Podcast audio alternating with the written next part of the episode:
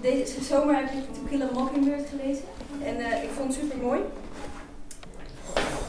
Uh, mooier dan de Alpen, waar ik het uh, las. Ik bevond me in de Alpen toen ik het las. En um, To Kill a Mockingbird is, um, speelt zich af in de jaren 30 in het zuiden van Amerika, in een klein dorpje. En dat ga ik voor opschrijven, want ik ga nog meer informatie geven en dat ga je misschien anders de fictie en de realiteit door elkaar halen. De fictie speelt zich af in de jaren 30 Amerika in een, het fictieve dorpje uh, Wake, Macon. Het gaat over een gezin waarvan de moeder dood is en de vader is advocaat. Uh, ja.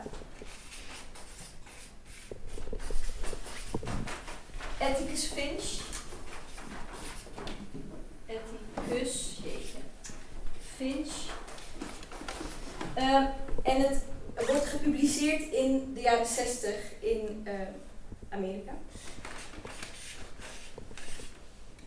En dat boek gaat over een um, advocaat dus in dat dorpje die besluit een zwarte man die onterecht uh, beschuldigd wordt of terecht staat voor verkrachting te verdedigen. En het is voor het eerst dat, dat in dat dorpje een blanke man een zwarte man verdedigt. En um, het wordt dus gepubliceerd in de jaren 60 in Amerika. En op dat moment, in het midden van de burgerrechtenbeweging, vijf jaar geleden, is Rosa Parks niet opgestaan voor iemand.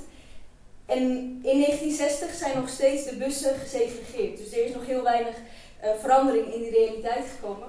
Maar op het moment dat dat boek gepubliceerd wordt, wordt die Atticus Finch, een soort rolmodel, een moreel kompas. En die wordt, die wordt een soort levend figuur, die loopt mee in demonstraties, die staat op de spandoek en hij wordt een boegbeeld van de burgerrechtenbeweging. En hij wordt een soort het, de persoon aan wie mensen zich vasthouden om naar een overkant te gaan waarvan ze niet wisten dat hij er was, die overkant. En um, nu is Harper Lee, dit, die dit boek geschreven heeft, die twee jaar geleden overleden is, die had in eerste instantie een andere versie van dit boek geschreven. Uh, en ze gaf het aan haar uitgever en die zei misschien moet je beschrijven wat er hiervoor gebeurt. En dat is To Kill a Mockingbird geworden. En dat is een enorm succes. En iedereen was super, ze heeft daarna nooit meer iets gepubliceerd, tot anderhalf jaar geleden, vlak voordat ze doodging ineens die, die prequel sequel, dus dat oorspronkelijke manuscript, ineens gepubliceerd werd. En dat heeft een enorme rel veroorzaakt, omdat haar familie zegt dat Harper Lee het niet geschreven heeft. En haar uitgever zegt van wel, dus die zijn dat nu aan het uitvechten in de rechtszaak. Maar het was vooral een rel omdat Atticus Finch in dat boek dat die pre-sequel cynisch geworden is. En niet alleen cynisch, maar hij is een racist geworden. En veel mensen waren daar ontzettend verbolgen en droevig over, omdat uh, hun boegbeeld van de burgerrechtenbeweging, de man aan wie ze zich zo lang vasthielden, ineens racistisch bleek te zijn, die fictieve uh, advocaat. Uh, wat ik mooi vond, omdat uh, dus eigenlijk die fictie een soort soort driewielertjes was. Dus dat mensen zeg maar eigenlijk zelfstandig konden fietsen. Edkes Finch helemaal niet nodig hadden om, om een strijd te voeren voor gelijke burgerrechten. En toen bleek dat hij dus uh, uh, deze fictieve advocaat racistisch was geworden, voelden mensen zich extreem genaaid. En toen Freek een, een, paar maanden geleden een mailtje stuurde om te zeggen dat hij het wilde hebben over de vraag wat echt en wat waar is, moest ik denken aan dit boek en dat ik dacht, misschien moeten we ons hoofd niet stuk breken over de vraag wat echt en wat waar is. Maar als we ons hoofd dan toch stuk breken, misschien moeten we het stuk breken over de vraag wat kan echt worden. Denkend aan To Kill a Mockingbird. En uh, dat was een, een, een, vraag die ik mooi vond. En zo mooi dat, ik, uh, dat het een nieuwe werktitel was geworden van mijn voorstelling. Wat er echt kan worden. En na de inauguratie van Trump uh, heb ik alle theaters gebeld uh, om de werktitel te veranderen uh, in wat echt kon worden. En um, ik was vrij droevig na de, na de inauguratie van Trump. En zo droevig, of eigenlijk op het dieptepunt van mijn uh, droefenis, was er maandagavond. En in die maandagavond heb ik toen um, eigenlijk gezegd dat ik, niet, dat ik denk dat het niet goed komt, basically. En uh, een aantal mensen, um, drie, wa waren heel droevig daarover. En ik heb nu een tekst geschreven, dus ik wilde van de gelegenheid gebruik maken om uh, te zeggen wat ik bedoel als ik zeg dat het uh, niet goed komt. Overigens heeft uh, die constatering mij er niet van weerhouden de vader en het meisje te zien voor mijn deur op het basketbalveld, die verstoppertje aan het spelen waren. De vader stond bij de ene paal, het meisje, drie denk ik, stond bij de andere paal en durfde er niet achter te gaan staan. Ze durfde zich niet te verstoppen. En ze liep wel naar achter en de vader telde van 10 tot 0 en, en ze bleef maar in zijn gezichtsveld. En ik dacht eigenlijk zou je de lijn tussen dat meisje en die vader daar een as van moeten maken waarom de wereld lang kan draaien. Een paar weken geleden luisterde ik samen met een vriend naar een podcast van de journalist Ezra Klein. Twee uur lang interviewde hij de Amerikaanse schrijver Ta-Nehisi Coates. Het sneeuwde buiten en we lagen met onze ogen dicht op de bank, met onze benen omhoog tegen de muur, omdat ik had gehoord dat je zo je organen op zijn plek legt. De titel van het interview was There is not going to be a happy ending to this story. Gequote uit een antwoord van Coates. Het was een gesprek over de hoop van Obama en waarom Coates die hoop niet deelt. De podcast werd gesponsord door een matrassenbedrijf, waardoor Ezra Klein af en toe op dezelfde toon waarop hij Coates vroeg waar hij dit allemaal heen zou gaan, aan de luisteraars vertelde dat er een matrassenfabrikant bestaat die op maat gemaakte matrassen voor minder dan 1000 dollar verkoopt. En het comfort van dat matras werd zo levendig beschreven dat ik dat het beste heb onthouden. Wat ertoe bijdroeg dat ik coach uiteindelijk gelijk gaf toen hij zei dat het misschien allemaal niet goed komt. De vriend en ik haalden onze benen van de muur en hij zei dat hij er somber van was geworden van het interview. Maar zei ik tegen hem, het is toch ook zonde? Ja, zei hij, dat is waar, maar dan hoef je er toch niet zo aan toe te geven.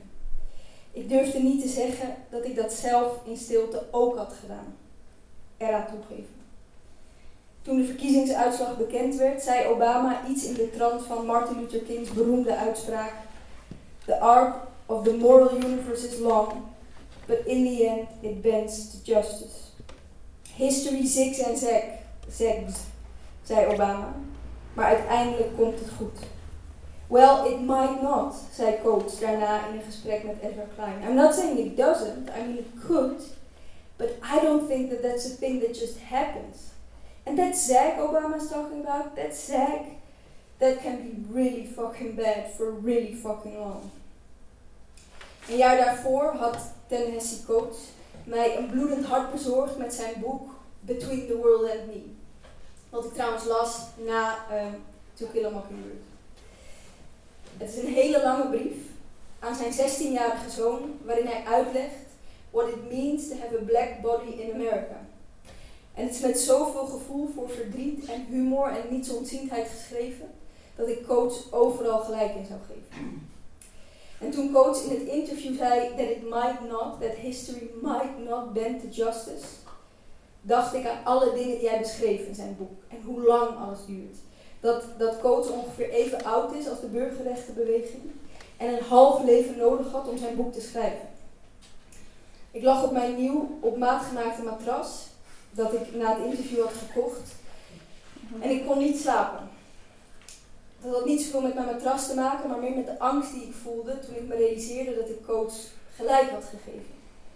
That the arc of this moral universe might not bend justice. Althans niet op tijd voor de meesten. Ik dacht het en ik denk het nog steeds. Het komt niet goed. En de vriend van de organen werd daar nog somberder van. Uitgerekend jij, zei hij. Ja, zei ik, ik weet het. En ik zei dat het allemaal veel minder verdrietig was dan het klonk, maar ik kon nog niet zeggen waarom. Ik moest de hele tijd denken aan een gesprek dat ik had, 17 jaar geleden, op, de, op mijn 15e verjaardag, met de vriendinnen van mijn zus. Haar vriendinnen vormden een soort frontlinie van zussen die mij beschermden. Het was een soort grote groep meisjes die bestond uit Turken, Surinamers, Antillianen, Chinezen, halve Chinezen, halve Marokkanen. En we hadden het over wat we later wilden worden. En ik zei toen dat ik graag Zwarte Piet wilde worden. Dat is 17 jaar geleden. En na een tijdje gaf een van de Surinaamse vriendinnen toe dat ze Sinterklaas nooit viert. Wat ik toen, meen ik, een aanfluiting noemde. Ze vond Zwarte Piet gewoon niet zo leuk. Keek naar beneden en zweeg daarna. En het was voor mij heel vreemd om te horen dat hetgeen waar ik zelf de meest magische herinnering aan heb, je allerlievelingsliedje zeg maar, voor een ander niet om aan te horen is. Het was een pijnlijk gesprek, even pijnlijk als toen mij werd verteld dat Sinterklaas helemaal niet bestaat. En hoewel ik met tegenzin van de vriendinnen van mijn zus aannam dat Zwarte Piet wellicht niet leuk was, duurde het misschien wel tot Tennessee Coates voordat ik iets snapte van de diepte waaruit dat gesprek kwam. Een diepte die heel moeilijk kenbaar te maken is, waarin je voorzichtig moet afdalen, omdat die zich verborgen houdt in het diepste van je lichaam. Op de plek waar je falen en je angst zich ophoudt en waar je spastische darmen zich dan omheen hebben gekrompeld. Vijftien jaar duurde het voordat ik het snapte. En wat ik snapte had heel weinig te maken met de anekdotiek van Zwarte Piet. Met de vraag of die figuur inderdaad uit een slavenverleden komt of niet. Daar had het niks mee te maken, maar meer met hoe ongelijkheid zich manifesteert. Namelijk in de snelheid van je hart. Als je na een lezing een vraag zou willen stellen. In de snelheid van je hart als de politie voorbij komt. In je schouders, in de schichtigheid waarmee je om je heen kijkt. Als je ergens bent waar je het niet kent en je lichaam je probeert duidelijk te maken, moet ik hier wel zijn. Het manifesteert zich kortom lichamelijk. En ik snapte dat er heel veel scherpte en moed voor nodig is om hetgeen je beschouwt als het meest privé, namelijk je lichaam, publiek te maken, politiek. En wat me zo intens opgewonden en verdrietig maakte na dat boek van Coach, was dat ik beter begreep in welke positie ik zelf zat.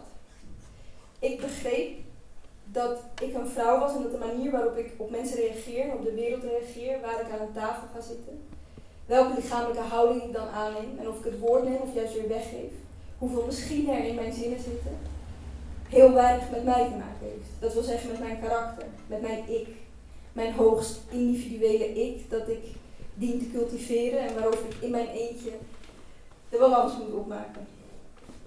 Het had 15 jaar geduurd voordat ik me kon inleven in de vriendinnen van mijn zus.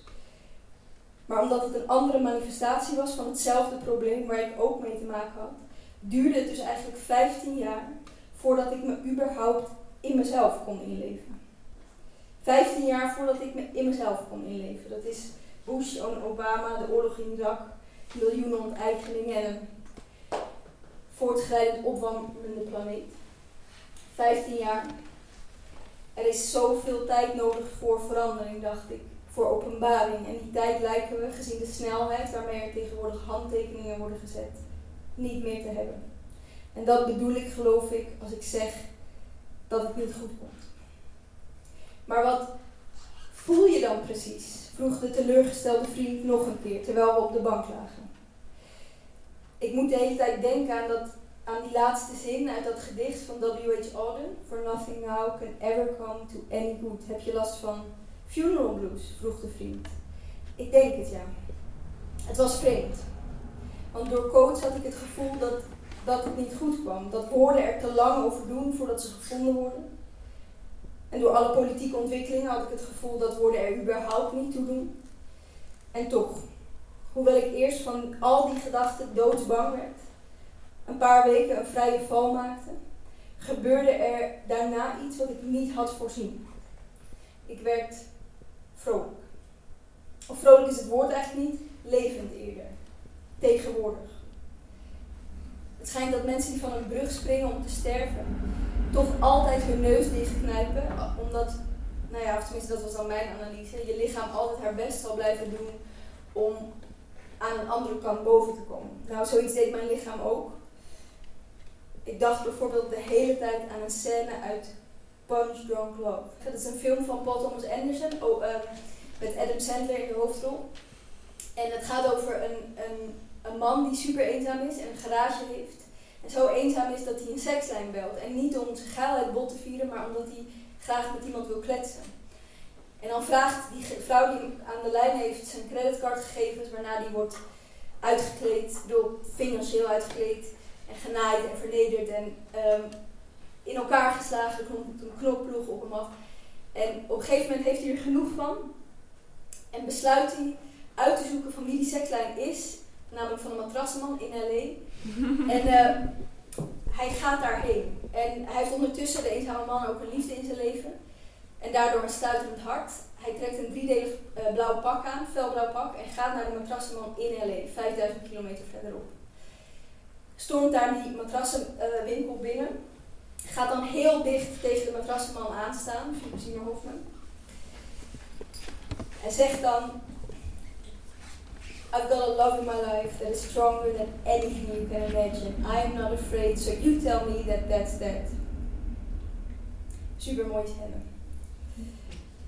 Ik dacht aan mijn vader, die ooit een meisje met kleren en al in het zwembad heeft geduwd, omdat zij, mijn broer, mijn zus en mij het pesten was. Aan een klasgenootje dat mij verdedigde. Toen een tekst van mij publiekelijk werd afgebrand. En toen zei ze, je blijft met je fikken van haar tekst af. Waarna zij strafwerk kreeg. En ik snapte ineens dat Coach's reactie wellicht anders was dan ik vermoed had. Obama had, in navolging van Dr. Martin Luther King, gesuggereerd dat we in een moreel universum leven. Waarin de dingen, zoals dat gaat met natuurwetten, als vanzelf buigen naar rechtvaardigheid. En het was misschien dat wat coach bedoelde. Het is geen natuurlijke slingerbeweging die je kunt afwachten zoals de herfst. Het komt niet goed, althans niet zoals de herfst. En toen ik dat snapte, in al mijn vallen en funeral blues, nam ik me voor om heel dicht tegen iedereen aan te gaan staan in een driedelig felblauw pak.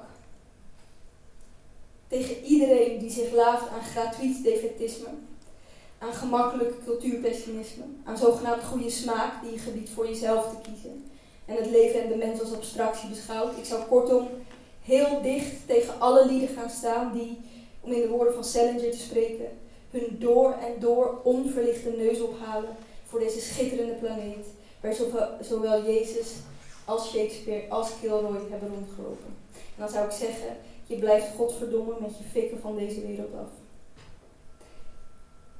Heb jij Punch Drunk Love wel eens gezien? vroeg ik aan de vriend. We lagen weer in die, uh, in die houding hij kende hem niet en ik pakte mijn telefoon om hem de scène te laten zien die ik bedoelde. En ik zei dat ik ook zin had om zo'n felblauw pak aan te trekken en om zo dicht tegen heel veel mensen aan te gaan staan. Hij snapte het niet. Maar wat zou je dan zeggen? Dat ze af moeten blijven van de tijd die we nodig hebben om elkaar te snappen. En dat ik die tijd eigenlijk, de tijd die we nodig hebben om elkaar te snappen, met mijn leven zou willen beschermen. En dat we goed moeten snappen dat het Olympische vrede is tot die tijd. Dat we zoals sporters in het oude Griekenland onderweg zijn naar elkaar. En dat we in dat onderweg zijn de garantie moeten krijgen dat onze kop er niet wordt afgeknapt. Net als vroeger in Griekenland bij de Olympische Spelen. Hij knikte. Denk je dat onze organen al weg liggen? vroeg hij. Nee, zei ik, nog lang niet. En denk je nog steeds dat het niet goed komt? Nee, zeg ik. Niet zoals de herfst. En hij glimlachte. Op dezelfde manier zoals hij had geglimlacht toen ik hem vertelde dat mensen die van een brug springen toch hun neus dicht houden.